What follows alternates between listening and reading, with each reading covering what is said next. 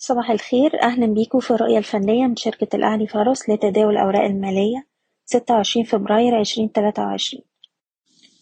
في الأسبوع اللي فات المؤشر شهد ضغوط بيعية وقفل عند أقل مستويات الجلسة عند السبعتاشر ألف نقطة رغم التراجعات لكن لسه محافظ على مستوى الدعم ستاشر ألف وخمسمية وده بيمثل نسبة تصحيح واحد وستين في المية من موجة الصعود الأخيرة وبالتالي طول ما إحنا محافظين على المستوى ده في إمكانية إن إحنا نشوف استمرار لمحاولات الارتداد. أول مستوى مقاومة عندنا دلوقتي عند السبعتاشر ألف ومية تظهر أول إشارة إيجابية لو قدر المؤشر يتجاوز المستوى ده الأعلى بأحجام تداول مرتفعة نسبيا وفي الحالة دي ممكن يمهد الطريق لمستوى المقاومة التالي عند السبعتاشر ألف لكن هنبقي على رؤيتنا الفنية باستغلال أي محاولة للارتداد كفرص لتخفيض المراكز والناس اللي عايزة تحتفظ تقدر تستخدم أقل مستويات اتسجلت الأسبوع اللي فات كمستويات حماية الأرباح لكل سهم على حدة.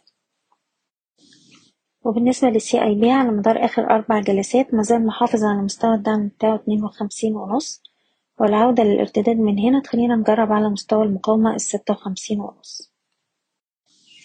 المصرية للاتصالات السهم اقترب من مستوى الدعم بتاعه الأربعة وعشرين جنيه وبدأ يتماسك حوالين المنطقة دي على مدار آخر أربع جلسات.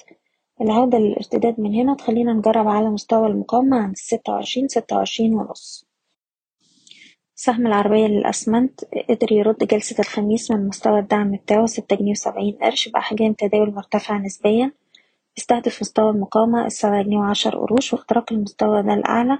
هيفتح الطريق للسبعة جنيه خمسة وسبعين. والناس اللي معاها السهم تقدر ترفع حماية الأرباح لمستوى الدعم ستة جنيه وسبعين قرش. مصر لصناعة الكيماويات قدر جلسة الخميس يخترق مستوى مقاومته الأربعة وعشرين جنيه وأحجام التداول كانت مرتفعة بشكل ملحوظ.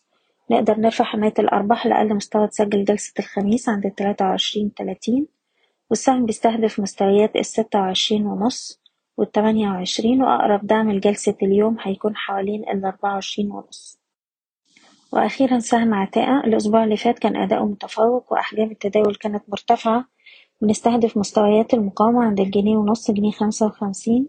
نقدر نرفع حماية الأرباح لأقل مستوى اتسجل في آخر جلستين عند الجنيه اتنين وتلاتين. بشكركم بتمنى لكم التوفيق. إيضاح الشركة غير مسؤولة عن أي قرارات استثمارية يتم اتخاذها بناء على هذا التسجيل.